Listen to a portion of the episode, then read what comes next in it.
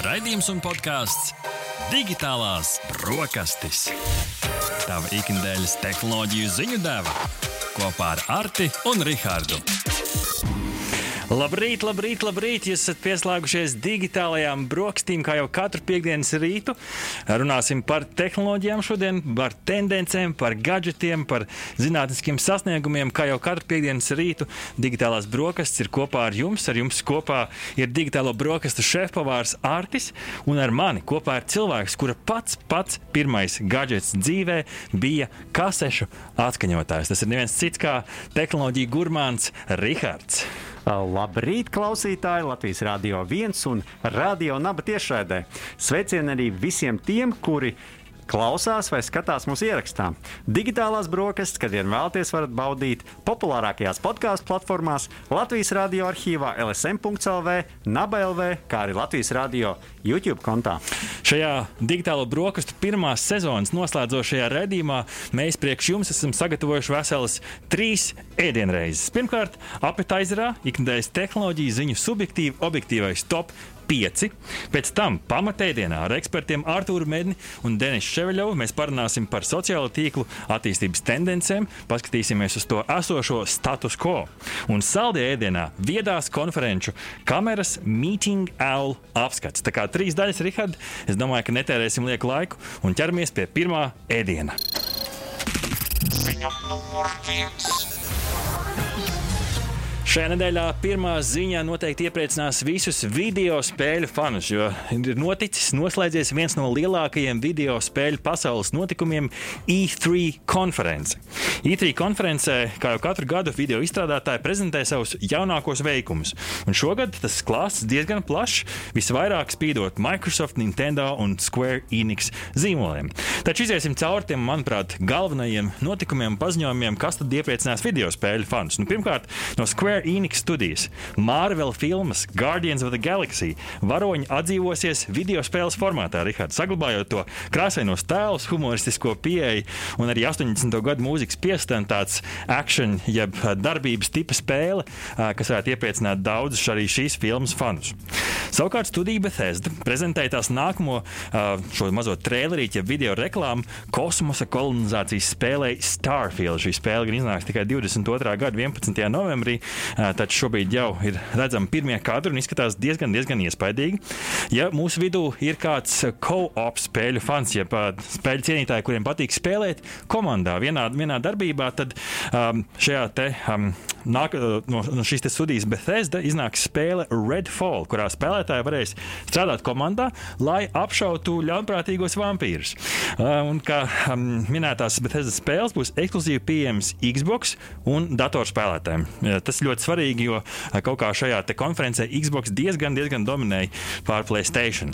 Jāatcerieties, Rihard, tādu kādu laiciņu atpakaļ bija tāda ikoniska filma no Jamesa Camerona Avatars. Nu, Avatars arī atdzīvojās arī video spēļu formātā, laikam kaut kāda tendence ņemt filmu un pa pataisīt par spēli. Uh, Šī spēle patiešām būs uh, ātrāk nekā otrā daļa šai filmai Avatar Frontiers of Pandora, kur varēs iejusties šajā navī tēlā, kas izpēta jauno planētu no vēl neredzētiem aspektiem. Un, protams, tāpat kā filmā cīnās ar ļaunajiem iezemiešiem, kuri uh, cilvēkiem no Zemes, kur iebrūk ar, ar savu tehniku un mēģina pārņemt planētas dabiskos resursus. Spēle iznāk šo 22. Gadā. No šīs pašas filmu studijas visbeidzot tika prezentēts jaunākais klips spēlē Far Cry 6, kur tādā kubas stiliņā viņi iepazīstināja ar jaunāko tās šīs spēles galveno ļaundari Giancarlo Esposito. Autospēļu fans iepriecinās Forza franšīzes jaunākā spēle Horizon 5, kura būs pieejama jau 9. novembrī, starp citu, ko izstrādā Playground Game. Šī atvērtā pasaules spēle tur varēs vienlaicīgi braukāties ar draugiem, baudīt Meksikas krastus, mežus, laukus un pat vulkānu virsotnes. Un arī šī spēle būs pieejama Xbox un datorspēlētājiem. Microsoft Flight Simulator, kas jau līdz šim ir pieejams datorspēlētājiem, arī būs pieejams jaunākajām Xbox konsolēm. Nintendo Switch, nu, to noteikti nevar pazaudēt. Viņi prezentēja nu, galvenie tituli. Šeit ir The Legend of Zelda, Breath of the Wild turpinājums, un arī divu dimensiju spēle Metroid piedzīvo tās piekto versiju Metroid Dread. Savukārt Pokemon Go izstrādātājs Niantic prezentēja tās jaunāko vietāruņu spēli spēli, kur būs transformēta tematikai. Atcerieties, kā Pokemon Go bija -hmm. pirmā, tad uh, spīdēja Harry Potter. Nu, tagad transformēt. Turpinām šo filmu, filmu, uh, filmu sēriju, filmu tematiku. Un visbeidzot, tie, kas vēl joprojām spēlē Among Us, varēsiet to darīt lielākā bariņā, līdz pat 15 spēlētājiem. Un tēli ir iegūši arī sešas jaunas kosmosa tērpu krāsas, kā ziņo TheVerge.com. Rihard, kas būs pirmā spēle, ko tu ieinstalēsi savā Xbox? Jā, nu es droši vien ar nepacietību gaidu Bethesda Starfield. Es domāju, mm -hmm. ka tā būs ļoti interesanta spēle. Es domāju, ka visas spēles būs gan aizraujošas, katrs atradīs savu kaut ko piemērotu. Tāpat arī es domāju, liels, liels vārds ir The Legend of Zelda, un droši vien tur ir ļoti daudz fanu, kas gaida tieši šo spēli. Bet Klasika. mans jautājums ir, kur tad ir Grand Theft Auto? Nu, redz, nu nav. Uh, viņi jau gan uz rudeni sola priekš jaunās uh, Xbox un Playstation konsolēm atjaunot to versiju ar iespējams vēl labāku grafiku, 4K kvalitātē. Nu, tas ir tas viņu tuvākais solījums, bet nu, sastāvā versija kā nenāk, tā nenāk. Es jau esmu godīgi sakot, atmetis cerības, jo viņiem joprojām, starp citu, Rihards, pārdošanas rādītāji spēlē, kas iznākusi 2013. gadā, vēl joprojām šie rādītāji ir debesīs, jo cilvēki joprojām pērk jaunas spēles, un viņi turpina ieguldīt naudu, jo ar katru šo update, jeb atjauninājumu, protams, gribās ātrāk tikt pie tās mašīnas, pie tā jaunā helikoptera, un ko tu dari, tu ieguldi sev īsto naudu un pārvērt to spēles naudā. Vienkārši biznesa, bet nu strādā uz urā. Ziņa numur divi. Sociālais tīkls Facebook plāno no 22. jūnija pievienot savai platformai podkāstus, lai lietotāji turpat platformā varētu klausīties audio ierakstus, kā arī dalīties ar izgriezumiem no tā iecienītākajiem satura veidotājiem. Podkāstu veidotāji varēs savu RSS feed, jeb satura plūsmu savienot ar Facebook lapu, kas automātiski ģenerēs ziņu lentes ierakstu katru reizi, kad tiks publicēta jauna sērija. Šis saturs parādīsies atsevišķā podkāstu sadaļā. Uzņēmuma vīzija ir, kā citēju, Facebook būs vieta, kur cilvēki varēs baudīt, diskutēt un dalīties ar podkāstiem, ko tie iecienījuši. Satura veidotāji, tā raksta TheVerge.com, varēšot izvēlēties vai ļaut platformas lietotājiem dalīties tālāk ar līdz vienai minūtēm gariem audio klipiem. Šī iespēja paredzēta, lai palielinātu podkāstu atpazīstamību. Sākotnēji šī iespēja būs pieejama ierobežotam lokam, kas tiks ar vienu paplašināts. Satura veidotājiem, kas publicēs saturu Facebook platformā, būs jāpiekrīt podkāstu pakalpojumu sniegšanas noteikumiem, kas kopumā ar neko īpaši neizceļas. Taču nesot līdz galam skaidrs, ko Facebook pēc tam var darīt ar platformā publicēto saturu. Un tā kā mums šodien ir tikai piecas ziņas, tad izpalika vēl pāris ziņas no, no šī ziņu klāsta. Patiesībā tas, ko Facebook ar šo visu dara, podkāsti, ir tikai viens no aspektiem. Viņi ļoti strādā ar šo audio saturu. Un tad vēl palika aiz mūsu borta tāda ziņa, ka viņi veido patiesībā tādu mazu audio uh, editēšanas programmu iekšā Facebookā, kas gan strādās ar skaņu slāpēšanu, efektiem un tam līdzīgi. Iespējams, būs iespēja arī nu, šī iespēja un funkcija dalīties ar citiem, ar ar dažādiem audio atbildēm uz jautājumiem, līdzīgi tādi mazie audio klipiņi, mazie atbildes uz jautājumiem. Tā kā viņi ļoti strādā dažādos veidos uz šo audio formātu. Šo būs interesanti pavaicāt pēc tam intervijā mūsu ekspertiem, kur šis audio bums novedīs un kur tad palika video ne, šajā visā stāstā, kāpēc tad audio dominē. Bet par to mēs parunāsim jau intervijā. Ziņa numur 3. Kā raksta TheVerge.com, tad automašīnu ražotājs Tesla ir prezentējis tās jaunāko spēkratu Model S Plaid. Auto izceļas ar tā spēju uzņemt ātrumu no 0 līdz 100 km/h teju mazāk kā divās sekundēs. Tās maksimālā jauda uh, auto varēs attīstīt līdz pat 1020 zirgspēkiem liela ātruma. Vienkārši nu, ātrums, kas ir gan īstenībā kosmosa raķetē no SpaceX.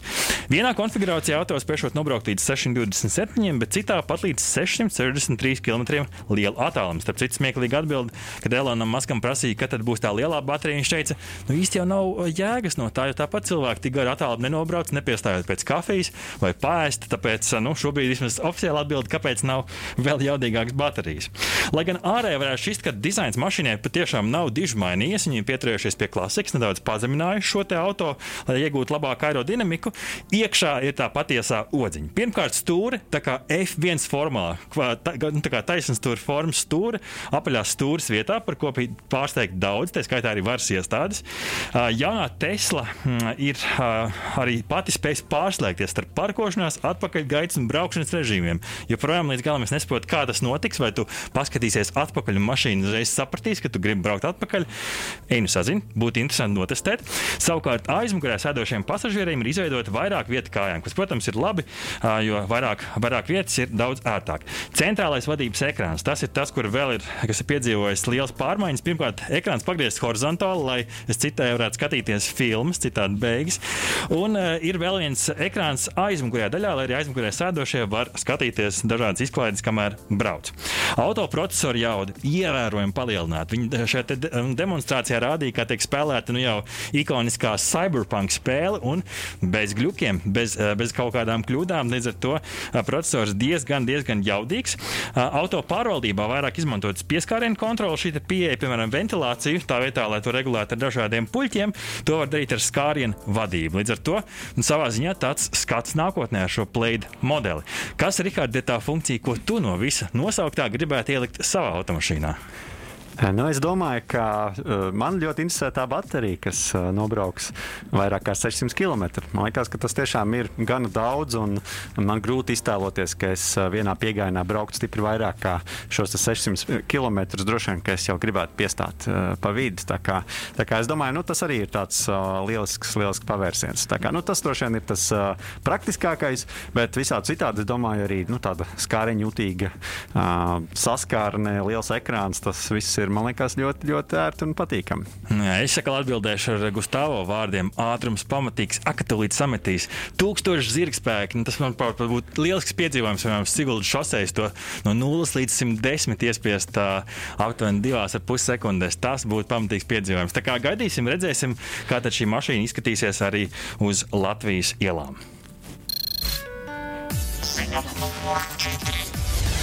Un mēs atgriežamies pie audio satura. Mūzikas un podkāstu platforma Spotify turpmāk būs arī vieta audio sarunām. Tās jaunajā lietotnē Spotify Green Room, kas būs tiešs konkurents Clubhouse un citām sarunu platformām. Lietotne tiek veidota, lai satura veidotāji un mākslinieki varētu uh, nedoties, uh, nodoties padziļinātai miedarbībai dzīvo sarunu istabās. Jaunajā lietotnē jebkurš tās lietotājs varēs radīt savu sarunu istabu. Green Room varēs pieslēgties ar Spotify konta pieslēgumu. Tajā būs īpaši padomāts par jaunu lietotāju ievadīšanu lietotnes darbībā. Lietotnē būs arī ieraksta funkcija un čata kontrolas iespējas. Lai rūpētos par satura veidošanu, tiks izveidots Spotify Creator Fund, kas palīdzēs dzīvo sarunu satura veidotājiem nopelnīt par to veikumu.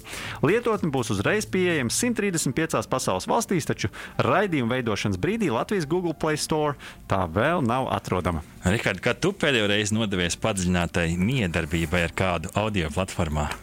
Es domāju, ka kādā no Clubhouse pēdējām sesijām, mm -hmm. jo tagad tas ir pieejams arī Android lietotājiem, un, un arī es attiecīgi esmu pievērsies šī satura baudīšanai. Bet uh, tagad jau ir iespējas dažādās platformās, jo, nu, kā jau mēs runājām iepriekš, audio uh, saturs kļūst ar vien populārāks, uh, paminējot pat nedaudz pār video varbūt.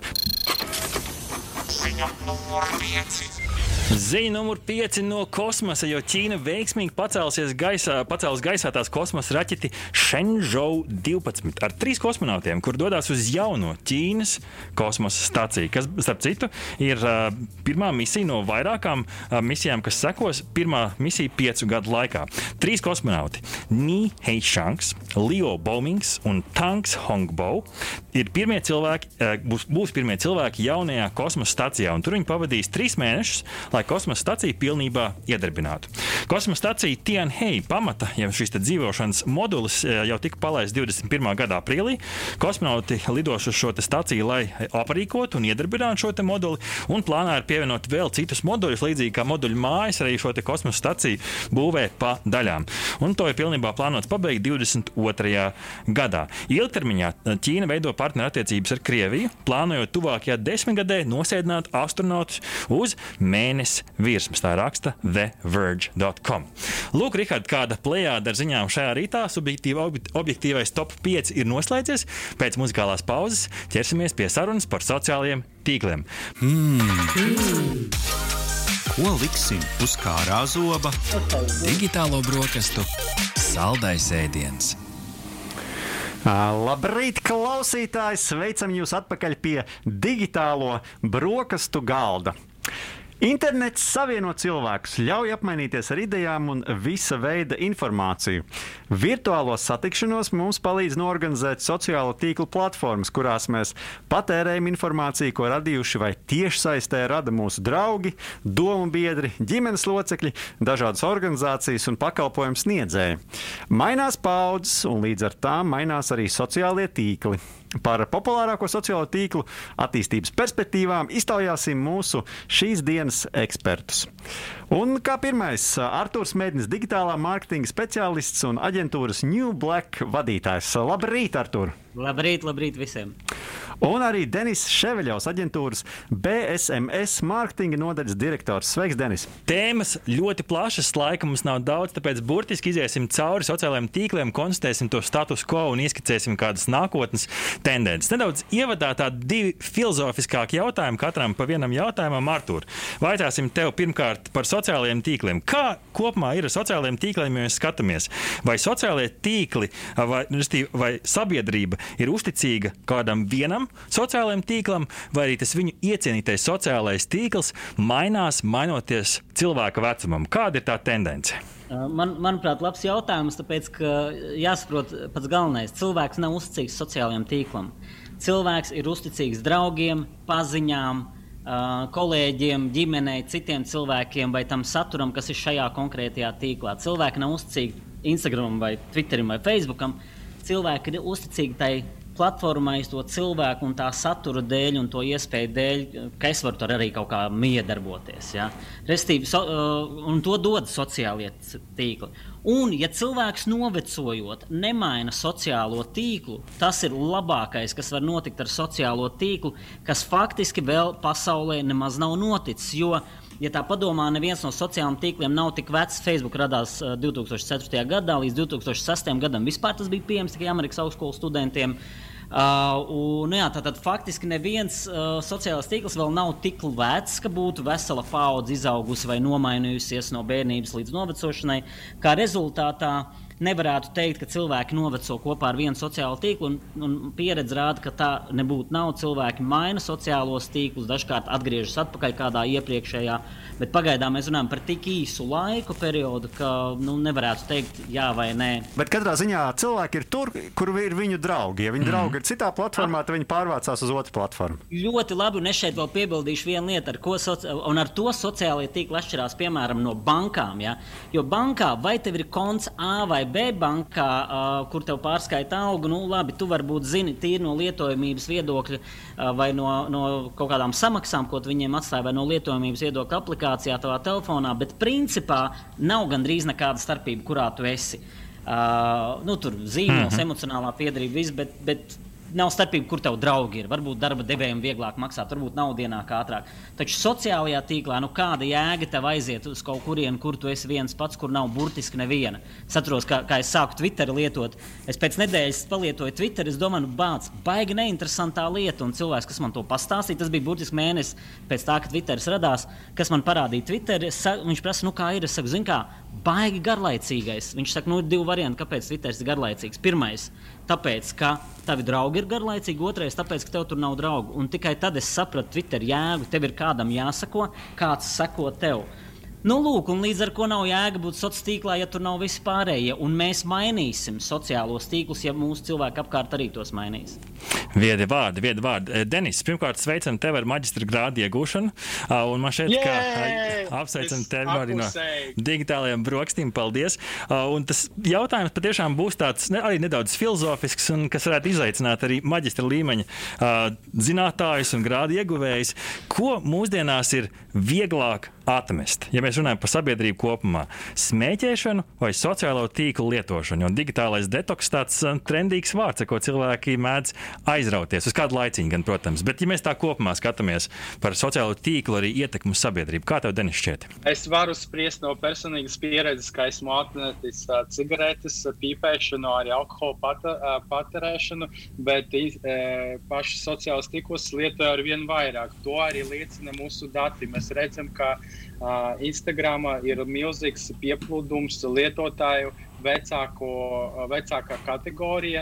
Tagad uh, Latvijā ir aktīvi lietotāji 520 tūkstoši apmēram, un tas pieaugums 50% bija uh, salīdzinoši ar 18. gadu pateic, uh, iespējams tikai dēļ uh, vecākas uh, demogrāfijas. Tagad arī mana mamma ir Instagram, un viņa to ir lieto, un viņa nekad nav pipējusi. Nu, lūk, kā, jā, tas ir diezgan. Uh, atkarību izraisošs uh, pasākums. Ar ko tu to Denis skaidrotu? Pandēmijas laikā cilvēkiem nebija ko darīt un varēja apgūt digitālās prasmes. Jā, tā ar to un vēl ar to, kā beidzot vietāuruni arī labas kvalitātes vietāuruni ir uh, pieejami par ļoti mazu uh, cenu un arī pat senioriem, jā, tas viss ir uh, kļuvis pieejamāks, un mēs to redzam. Uh, demokrāt, demokrāt, tehnoloģija, demokratizācija. Jā, tieši tā. Lecam iekšā tad, uh, mūsu uh, sociālo tīklu ekspresa analīzē, es pat teiktu. Es, klausies, es ātri varbūt par šis bija interesants arī iepriekšējais jautājums. Ātri varbūt piebildīšu, redzi, atšķirībā no sociālajiem tīkliem, ja par to pašu smēķēšanu mēs runājam, tad smēķētāju skaits ar katru gadu samazinās. 18. gadā tas bija 25%, kas jau bija par 9% mazāk nekā 17. gadā, un ar katru gadu tas, tas cipars krītās kamēr sociālās mediju skai, lietotāju skaits nemazinās un īstenībā pat aug ar nu, katru. No, Artur, mēs šeit varam spriest, jo ir citi veidi, ir veipi, ir visi no, nu, salti, un to neviens nepipē. Bet, ja runāt par klasiskam tabaks izstrādājumu, tad tas ir lēni. Bet uh, citas lietas mēs varam padiskutēt. Bet uh, Arti un Rikārds, jums ir virkni jautājumu gatavi atbildēt. Super. Tiešām. Tad šodien tieši par sociālajiem tīkliem. Un sāksim ar Facebook, kuru mēdz saukt arī par sociālo tīklu karali. Jā, kā jau Arturs pieminēja, radīts jau 2004. gadā un šobrīd nu, aptuveni 2,85 miljārdi aktīvo lietotāju. Mēnesī tas ir. Jā, tas, mhm. ir, tas ir mēnesī, un nu, tas ir šobrīd lielākais skaits pēc mums pieejamās informācijas. Uh, Artur, kāds ir tavs viedoklis par Facebook sociālo tīklu mūsdienās? Vai tas ir, vai tas ir sociālo tīklu karalis, vai arī statistika neatspoguļo reālo sociālo tīklu popularitāti? Statistika atspoguļo uh, diezgan lielā mērā šī sociālā tīkla popularitāti, ja mēs lietojam, uh, ja mēs runājam par kopējās auditorijas ziņā, uh, piemēram, pasaulē. Un, ja mēs ņemam arī Latvijā, tad šobrīd uh, 1,212,000 cilvēku lieto, tie ir jaunākie šī brīža šodien dati, cik lieto Facebook mēnešu. Tā ir gandrīz visi.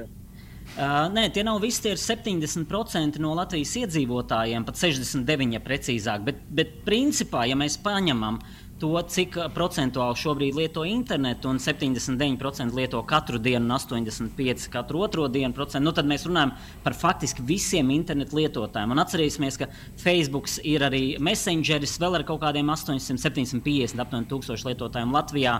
Uh, un, uh, un kas pat ir vairāk nekā Instagram, ja tā paskatās Latvijā. Tad, principā, es teiktu, ka Facebook gan Latvijā, gan pasaulē ir tiešām karalis. Un, ja mēs runājam par sasniegtās auditorijas uh, apjomu vienas dienas ietvaros, nav nec Latvijā, nec pasaulē, nav neviena atsevišķa mēdīju kanāla. Latvijā nav nevienas ne televīzijas, ne radio, neviena, kas būtu, caur ko būtu iespējams sasniegt tik lielu cilvēku skaitu vienas dienas ietvaros, vienā dienā. Uh, Latvijā vai pasaulē.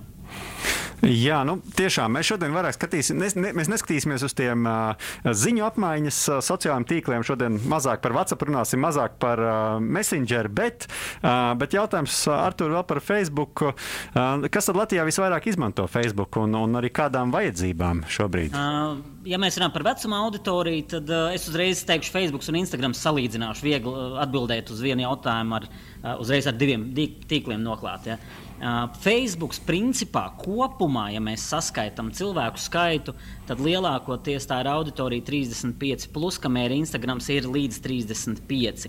Protams, Facebookā auditorijā līdz 35 joprojām cilvēku skaits tāpat ir divreiz lielāks, nu, gan nu, ne divi, bet ievērojami lielāks nekā tajā pašā Instagramā, šajā pašā vecumā, bet vairākums ir 35. Plus. Nu, un, savukārt, kāpēc lieto? Protams, tāpēc, ka tas ir viens no primāriem ziņu iegūšanas avotiem. Mēs jau ar Denisu iepriekš arī kaut kad runājām vienā citā podkāstā par to, ka divas trešdaļas Amerikas pieaugušo vispār ziņas uzzina caur Facebook. Ja? Tā ka Facebook ir ļoti spēcīgs rīks, nu, vispār informācijai. Dažiem cilvēkiem Facebook ir gluži tas pats kā internets. Viņi atver Jā. Facebook un redz internetu ziņas no zīmoliem, no portāliem, no draugiem un tā tālāk. Tas nu, man, manai, mana mamma nelieto internetu, viņa lieto Facebook. Tas ir tipisks piemērs. Jā. Bet ne obligāti, protams, ja atceramies, ka Facebook ir arī tā skaitā messengeris, kas tagad mm -hmm. ir atdalīts, jā, bet agrāk bija kopā, tad tā ir arī komunikācijas platforma. Un, lai arī jūs sastapsiet cilvēkus, kas teiks, o, kurš te vēl lieto Facebook, un es tikai Instagram tā tālāk, nu īstenībā joprojām Facebook ir gan pasaulē, gan Latvijā numur viens. Un tad jau, ja mēs skatāmies atsevišķi dažādās valstīs, var, var būt tās arī pieņemt, kur ir valstis, kurās Facebook nav numur viens. Nu, piemēram, Irāna. Irānā Facebook nav numur viens, tur ir Instagram un Telegrams tikai tāpēc, mm. ka mhm. Facebook ir nobloķēts Jā, un vairākums lieto nu, citus kanālus. Ja. Denis, gribās tev... Facebook vēl es gribētu mm. papildināt atšķirību no citām platformām. Īpaši, ja mēs runājam par mūsu vecuma cilvēkiem, tā, ja tas ir arī kā Uh, arhīvs, atmiņu klāde, un mēs visi atceramies par kaut kādiem notikumiem, kas notikuši pirms 11 gadiem. Tas ir tas, tā ir pirmā no lielākām, lielākām tīkliem. Tāpēc es arī paredzu, ka varbūt cilvēki izmantos ne tik bieži frekvencē krīties, bet lietotāji līdz pavisam nepamatīs šo platformu tuvākā nākotnē. Savā ziņā tu, Denis, jau laikam atbildēsi man nākamo jautājumu. Karalis dzīvos vai karalis mirs tuvākajos piecos gados? Kā tev izskatās? Tam karalim ir milzīga karaliste, un ko viņi darīs, mēs nezinām. Bet mums, kā marketinga speciālistam, liels paldies, ka ir tāds Facebook, ar kuru mēs tiešām varam sasniegt gandrīz jebkuru mērķa auditoriju. Mm -hmm. Un es domāju, ka skatoties, kādi ir apgrozījumi, arī cik mēs iemaksājam no Latvijas Facebook, tas gluži viena diena uh, karalis nenomirs. Tā kā viņš ir dzīvs un viņam vēl būs, būs pēcteči. Absolūti taisnība, ko Denis runā. Pie kam es teiktu, tā, ka tuvākajos piecos gados pilnīgi noteikti, Facebook joprojām būs līderis. Es nemāku teikt, kas notiks nākošajos piecos gados, bet ticot Facebook spēkam, vismaz pret tuvākiem jau kādiem konkurentiem, nu, es esmu iegādājies Facebook akcijas. Un Facebook akcijas, es domāju, joprojām viņas aug, ja cena aug. Tātad, principā, es, man ir diezgan liela pārliecība par Facebook. Vismaz tuvākajos piecos gados noteikti. Šeit man jāiestrādina, ka mēs noteikti neesam finanšu analītiķi un konsultanti. Mūsu ieteikumi šeit ir tikai mūsu subjektīvais viedoklis. Tas pilnīgi noteikti. Ieteikums. Bet, jā, ieteikums. Uh, Un man šķiet, ka šo Facebook spēku labi raksturo tas, ka aiziet uz nākamo sociālo tīklu, mēs nekur tālu neaizējām. Instagrams. Instagrams radīts 9. gadā, šobrīd pēc nu, datiem, ko mēs atradām, 1,22 miljardi iedzīvotāju šo te. Um, Pasaules iedzīvotāji. Pasaules iedzīvotāji lieto šo sociālo tīklu mēnesī.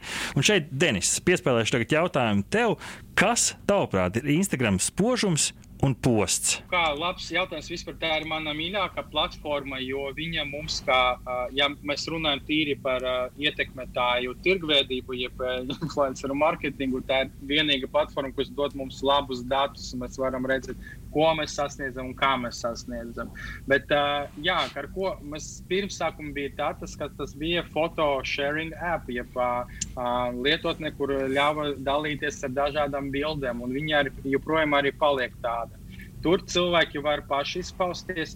Tāpēc vispār uh, sociālai tīkli uh, attīstās ar relatīvi zem, zemiem uh, ieguldījumiem. Cilvēki var uh, paši izpausties dažādi. Un tur veidojas savas kopienas, savas komunas, savu viedokļu līderi. Uh, Ja mēs varam redzēt, ka Instagram bija milzīga ietekme uz to tā saucamo mentālo veselību, bija dažādas kustības, un tagad jau vairāk cilvēki saka aizdomāties, vai to, to saturu, ko mēs redzam, ir autentisks. Mēs visi zinām par FaceApp, kā viņi var ar vienu pieskarienu pielimēt tev smaidu un noņemt visas krunkas ļoti dabiski izskatīsies dabiski, un tad veidojas arī visas tās dismorfijas. Tas ir tāda neskaista uh, puse. Bet no, no otras skaistas puses cilvēki var atrast, uh, paši izpausties, atrast domu biedrus arī Latvijā. Uh, mums ir uh, Latvija pat labi kaut kādi, nu, es teiktu, labi kvalitatīvi 500 uh, satura veidotāji, kuriem ir savas intereses, un viņi pulcē cilvēkus, apgaismojot, izglītojot viņus, iedvesmojot galu galā. Artur, kam pieder nākotne? Fotografijai vai video? Varbūt arī audio, jāsaka, tagad jau tas ir ļoti populāri. Un, ja video, tad, tad kādam video? Uh, es domāju, ka pilnīgi noteikti nākotnē pieder audiovizuālam saturam kopumā, un savukārt, vai tas būs audio tieši vai video vai foto. Vai varbūt vēl kāds cits formāts, mēs zinām, tur 3D un tā tālāk attīstās. Ja? Tas ir lielā mērā atkarīgs no vajadzības, no, no situācijas mm -hmm. un, un, un tā tālāk, jo, jo tas palīdz cilvēkam iedarboties uz, uz auditoriju caur dažādām maņām Un ir noteikti informācija, ko, un ir pētījums, citu, kas arī to apliecina. Noteikti informācija, ko cilvēki labāk uh, gribētu patērēt, lasot, un ir informācija, ko labāk gribētu patērēt, uh, skatoties. Es personīgi. Vai klausoties? Vai klausoties tieši tā, vai klausoties, uh, kas vispār ir uh, super, super kolosāls koncepts, ja tā padomā. Jo, ja, ja, ja jūs man jautātu pirms gada, vai audio ir nākotne, nu, ņemot vērā podkāstus, piemēram, tā, tā, ka es teiktu, jā, bet neviens nebūtu iedomājies, ka tāds kaut kas tam līdzīgs kā Clubhouse varētu izraisīt zināmu revolūciju. Un, uh, un es jau notestēju gan Spotify, gan Twitter, ko šobrīd dara Facebook. Starp citu, tūlīt ieviesīs mm -hmm. LinkedIn, tūlīt ieviesīs um, uh, Reddit, tūlīt ieviesīs, un kas tur vēl bija, vēl kaut kas. Ja, Restīvi, principā, principā es, man, manuprāt, kolosāla, kolosāla platforma, bet Viņi nekļūs neviens no šiem, es domāju, tieši ar šo audio platformu, nu, neiekļūs top trīniekā. Top trīniekā tomēr visdrīzāk būs video un audiovizuāls saturs, konkrēti ar bildi un par bildi runāt.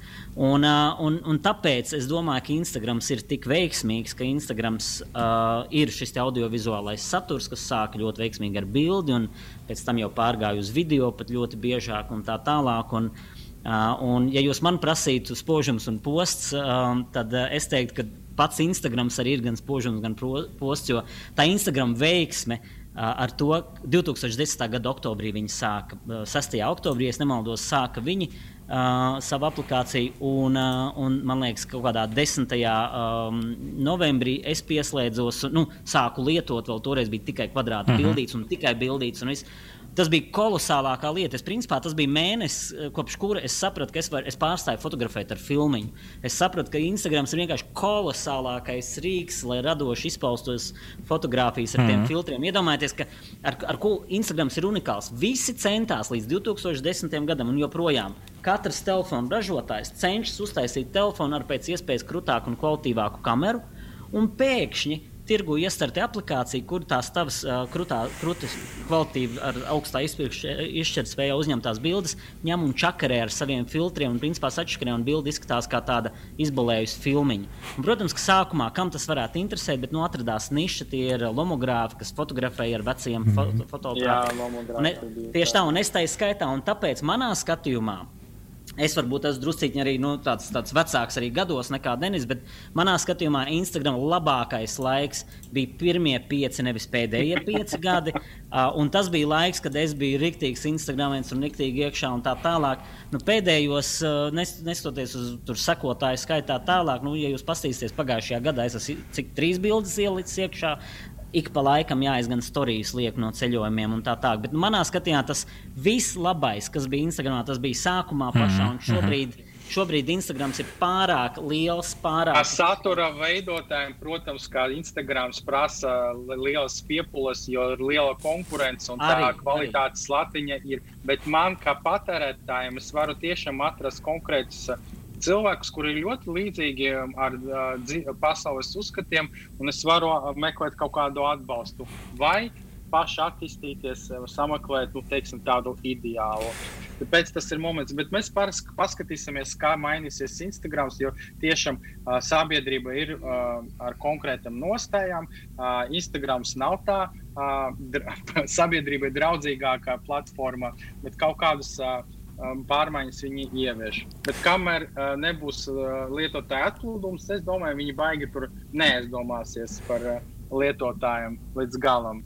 Tas ir interesanti skatīties, kā attīstīsies. Nu, ko, lecams... Fakts ir tāds, ka viņam nav alternatīvas nekādas. Redz, kā atbildēs tieši uz manu jautājumu. Gribēju prasīt par, par uh, potenciālo Facebook konkurentu vai varbūt, nu, atvainojos, nevis Facebook, Instagram konkurentu, bet beig beigās jau laikam Instagram kaut kādā ziņā pats sev arī konkurents. Rihard, kas mums ir nākamais sociālais tīkls? Lecam uz priekšu un skatāmies uz uh, sociālo tīklu, kurš varbūt nav tāds izteikts konkurents. Varbūt viņš pat ir nišas produkts, un tas ir Twitter. Uh, radīts 2006. gadā un nu, šobrīd ap 330 miljoniem aktīvo lietotāju mēnesī.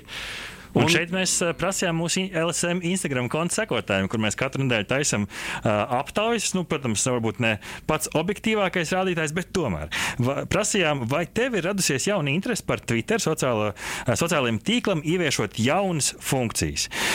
5% jā, ir radusies, 95% nē, jauna interese nav radusies. Un te varbūt tas pirmais jautājums jāpiespēlē Arturam, un pēc tam tev, Denis, tas pirmais jautājums, vai šis arī Riharda nu, izteiktais apgalvojums par nišu, cilvēku nosītās baumas, ka Twitters ir miris, vai tas ir patiess, vai arī, vai arī tur ir kāda cita patiesība apakšā? Varbūt Trumps aizgāja, un tagad vairs nevienam nav interesanti. es, es domāju, ka Twitters nekādā gadījumā nav miris. Twitters kvalitātes ziņā ir spēcīgāk spēcīgāk kā jebkad agrāk, es teiktu, un, un it sevišķi, ka Trumps aizgāja. Bet, nu, ja tā nopietni, tad jā, Twitteris kvantitatīvi skaitļos ir krities visā pasaulē un arī Latvijā. Loģiski, bet kvalitātes ziņā absolūti nē. Un, un Twitteris iespējams ir nu, viens no labākajiem veidiem, kur pēc iespējas ātrāk uzzināt jaunākās ziņas un jaunumus un patiešām no resursiem un tā tālāk. Es teiktu, tā, ka varbūt tās Twitteris nav tik ļoti pateicīgs mārketinga rīks mums, kā aģentūra cilvēkiem. Jā. Uh, tas gan, un, un mēs pie tam drīzāk po politehnoloģijas varētu būt tādas. jā, jā. jā. Es, es atceros, ka 2010. gadā, piemēram, nu, es sāku lietot 9. vai, vai, vai ātrāk, tur, nu, Es esmu pirmo... Man ir desmit gadi jau kopš es lietoju. Nu, jā. man bija kaut kāds tur paziņojums, priecīgs. nu, jā, nu, jā un, un, nu, man ir kaut kādi 11 gadi. Es, es esmu pirmo miljonu pasaulē, kas reģistrējās vispār. Es jau teicu, es biju, tobrīd es biju vienīgais Latvijā, bet ne par to es stāstu. Uh, es atceros, kā toreiz, kad mēs sākām vispār darboties ar sociāliem mēdījiem Latvijā uzņēmumiem, nu, tad Twitter bija mazs pirmos piecus gadus jebkuram. Uh, uzņēmumam. Es, es biju pirmais, kas tur Tele2 un Zelta zīltiņas kontos tur kaut ko rakstīja. Tā, tā. Bet, bet saprotiet, tagad ir tā, ka nu, mums reti kuram klientam, dažiem jā, bet reti kuram klientam mēs kaut ko darām Twitterī. Nu, es teiktu, tas ir saistīts gan ar to auditorijas mazumu, gan arī varbūt to specifiku, ko tur nevar izdarīt nu, no tāda mārketinga viedokļa. Taču no kvalitatīvas satura vai vispār kvalitātes viedokļa priekš auditorijas es teiktu, ka Twitter ir ļoti labs rīks joprojām. Un, ja vien ir laiks un ir vēlme, Twitters ir labs rīks, ko lietot. Es nedomāju, ka Twitters teiksim, tuvākajā laikā arī nomirs, jo viņi ir atraduši tomēr arī monetizācijas iespēju, ne auditorijai, bet naudas mm -hmm. iegūšanas mm -hmm. iespēju.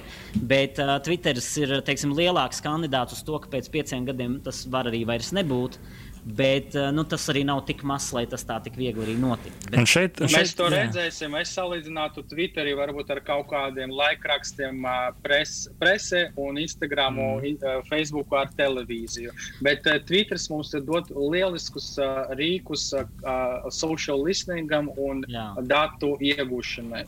Tāpēc tas, tas, tas arī ir tas viņu bizness. Vēl viena lieta, padomājiet arī par Twitter no tāda cita viedokļa. Reti kurš tīkls ir atnesis kaut ko absolūti unikālu, jaunu pasaulē. Twitter bija unikāls ar to, ka tikai 140, 140 zīmes tieši tā. Mm. Un, un joprojām ir cilvēki, kas nezina, ka nu jau zīmju skaits pat ir palielināts. Tur, bet uh, tas atnes kaut ko mhm. unikālu. Tas atnes cilvēkiem, uh, piespied cilvēks iemācīties izteikties īsi, 140 zīmēs pateikt domu.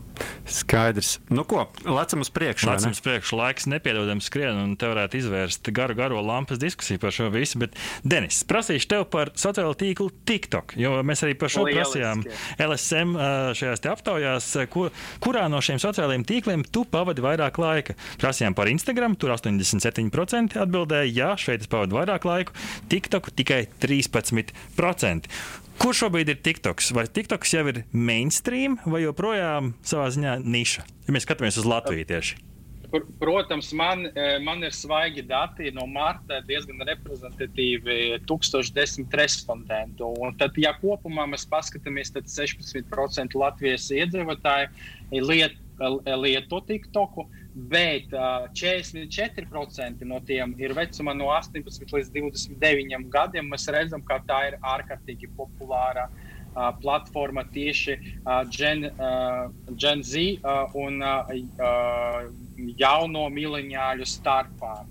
Bet arī pētījums parādīja, ka arī seniori ir uh, 5% vecumā no 60 līdz 74 gadiem ir TikTok uh, um, aplikācija lietotnē.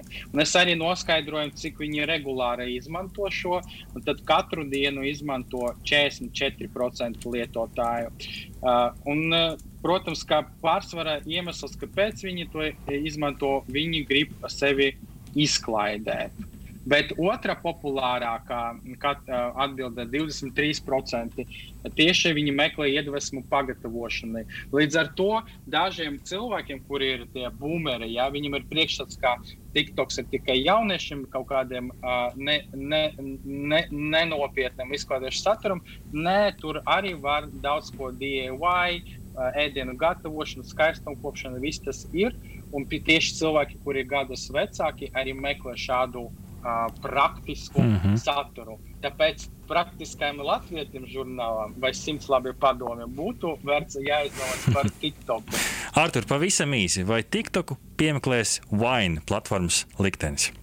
Uh, es domāju, pilnīgi noteikti nē, tāpēc ka vaina platforma bija pārāk maza platforma. Arī TikTok stāv izstrādātājs uh, ByteDance, Ķī, principā Ķīna, ja tā padomā, iespējams Ķīnas valdība, bet nu, ByteDance ir 250 miljardus uh, vērta kompānija, un viņi jau izstrādāja arī citus produktus. Vienkārši TikTok ir viņa veiksmīgākais produkts. Un, un kopumā es teiktu, ka TikToks ir pārāk liels, varbūt ne tik liels, lai izgāstos, bet pārāk liels un veiksmīgs, un aiz, tiem, aiz viņiem stāv ļoti labs, spēcīgs uzņēmums.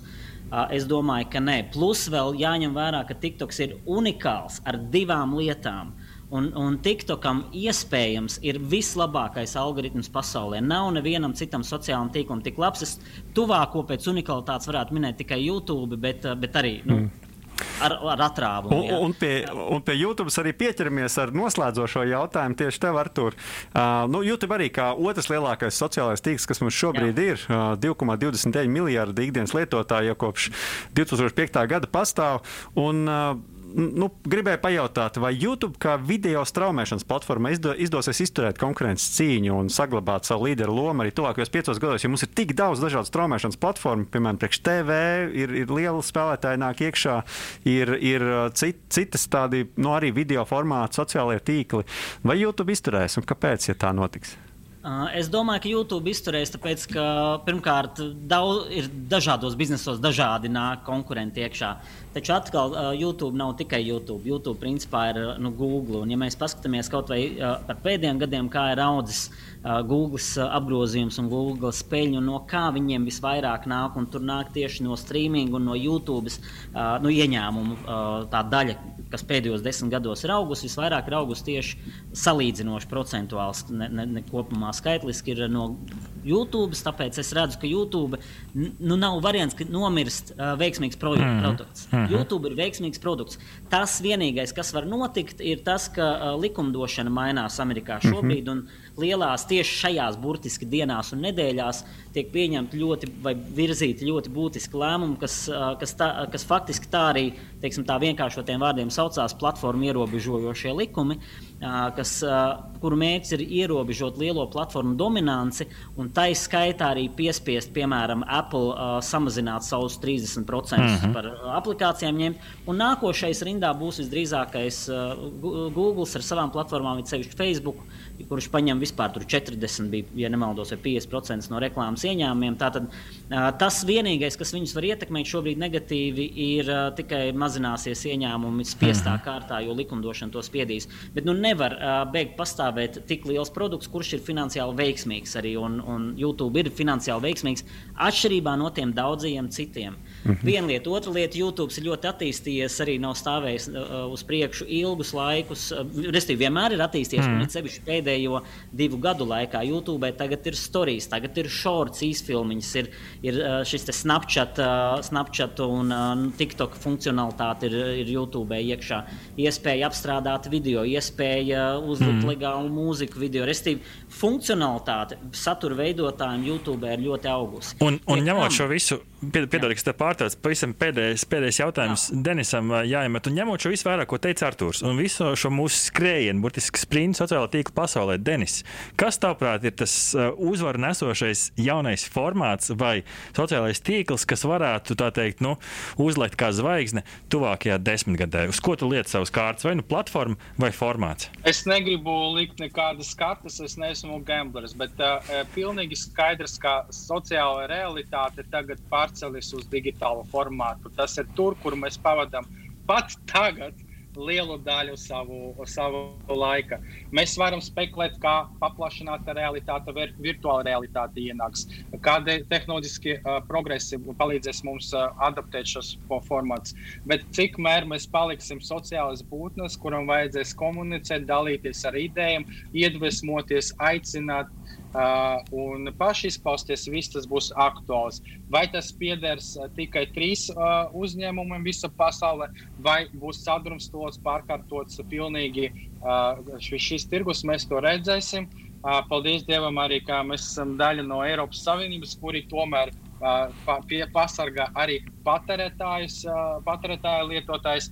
Tur būs daudz pārmaiņas. Galvenais tagad mums visam turpināt izglītoties, mediju prātība, tehnoloģijas prātība, kā arī viss tas sociāli tīkli. Tas ir svarīgi, jo tā ir mūsu realitāte.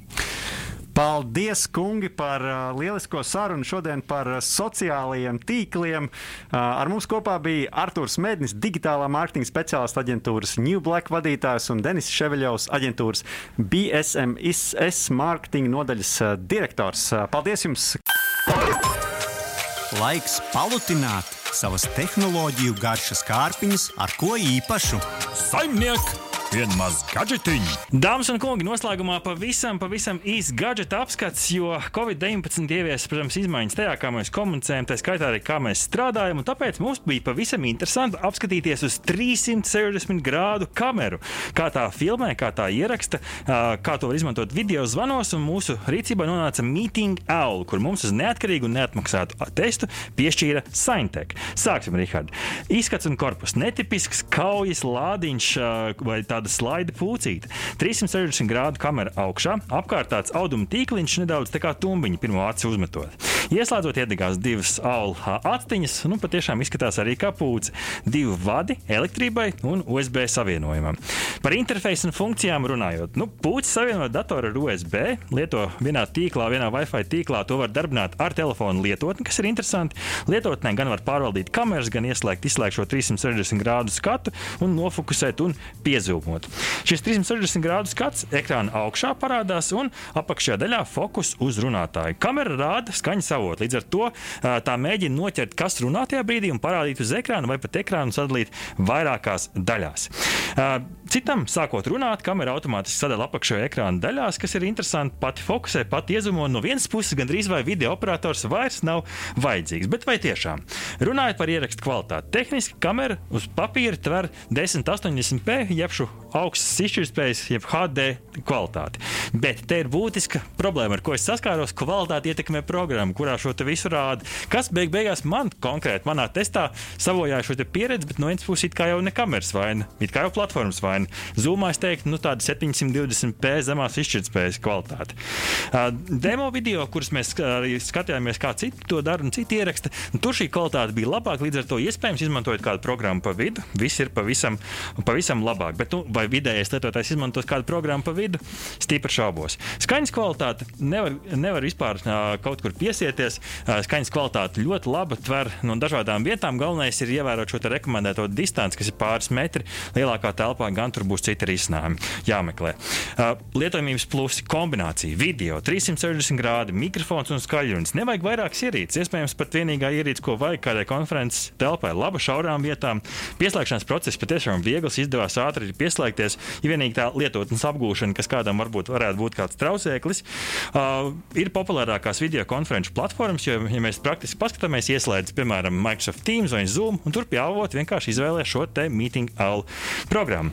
Kameras fokus labi noderēs, piemēram, lai iecerētu skatu uz platāku tāfeli, kas ir labi, piemēram, mācību iestādēm, un var savienot kopā vairākas puķis.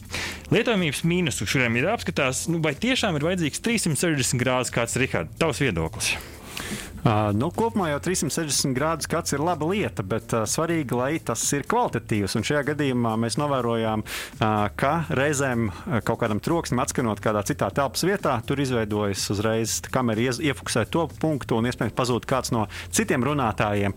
Uh, līdz ar to nu, tas varētu būt viens no lietojamības mīnusiem. Jā, un arī maz skatu izvēles. Piemēram, konkurentam Kandava Meeting 360 viņi piedāvā vairākus skatus, piemēram, divi cilvēki augšā, divi apakšā. Tā kā šādas lietas konkrēti iztrūk. Un, uh, ja nu kas cilvēkiem ar paranoju būs grūti apslēpt šo astiņu, jo tur nav nekāds fizisks veids, kā šo astiņu izslēgt. Vienīgais veids ir uzmest kādu pa virsmu. Uzlikt cepuri. Vai ne? Uzlikt cepuri. Bet, ja mēs skatāmies kopumā, nu, cenu, ko piedāvā vietējais izplatītājs, salīdzinot ar kaut ko citu, ko var atrast internetā, no vienas puses ir konkurētspējīgi, taču no otras puses jautājums, kas vēl vispār ir pieejams Latvijas tirgo ar tādu 360 grādu uh, skatu uz visu kopējo konferenču telpu. Tur ir jāizvērtē, šis noteikti nav produkts priekš privāta personas. Šis vairāk ir pro produkts, kas varētu noderēt birojiem, uzņēmumiem, dažādām organizācijām, iespējams pat radiostacijām, kur viena, viena ierīce atrisina vairākas lietas reizē. Taču vai uh, var aizstāt īstu video operatoru? Arnold, īkšķis tev gaisā viss kārtībā, šī ierīce tevi neaizstās izskatās patiešām, jo tas uh, profesionāļiem gan jau vajadzēs uh, profesionālāku pieeju, labāku skaņu un labāku izšķirtspēju. Taču iespējams, ja grib pārvērst savu uh, lokāciju, savu biroju par attālinātas darbības atbalstītāju, varbūt šādas ierīces, varbūt šī, varbūt kāds konkurents varētu jums arī noderēt. Rihards, īkšķis augšā, īkšķis pa vidu, īkšķis lejā. Es teiktu, ka vairāk tomēr īkšķis augšā. Ok, Arnold, kā tu skaties, īkšķis augšā, īkšķis pa vidu. Es arī laikam došu īkšķis augšā, jo šis ir labs produkts priekš video konferenču zvaniem. Līdz ar to kopumā gandrīz īkšķis augšā. Rihards, vai mēs tiekamies nākamnedēļ? Nē, diemžēl nē, bet uh, varbūt tieši forši, jo, kā saka, priekšatvaļinājums. Klausītāji, digitālo brokastu komanda dodas vasaras atpūtā, un turpmāko mēnesi jums būs iespēja dzirdēt raidījuma atkārtojumus. Īpaši paldies mūsu Latvijas radio viens klausītājiem, kas ir bijuši kopā ar mums jau pusgadu, kā arī pateicamies mūsu uzticīgākajiem klausītājiem Radio Naba. Pēc mēneša mēs atgriezīsimies ar tehnoloģiju jaunumiem, viedierīču un tehnoloģiju apskatiem, kā arī interesantiem viesiem. Paldies, ka ēdāt savus brokastis kopā ar mums. Lustīga līgošana ne tikai no mums, bet arī no mūsu mūzikas redaktora Girta Biša. Pie režijas pults jūs sveicina arī Arnolds Zauziņš, un šo raidījumu veidoja radionaba autori Ārtis Osoliņš un Rihards Blese speciāli Latvijas Radio 1. Tu klausījies digitālās brokastis. Katru piekdienu no 10 līdz 11 arī podkāstu formātā, populārākajās platformās. Digitālās brokastis. Tava ikdienas tehnoloģiju ziņu deva.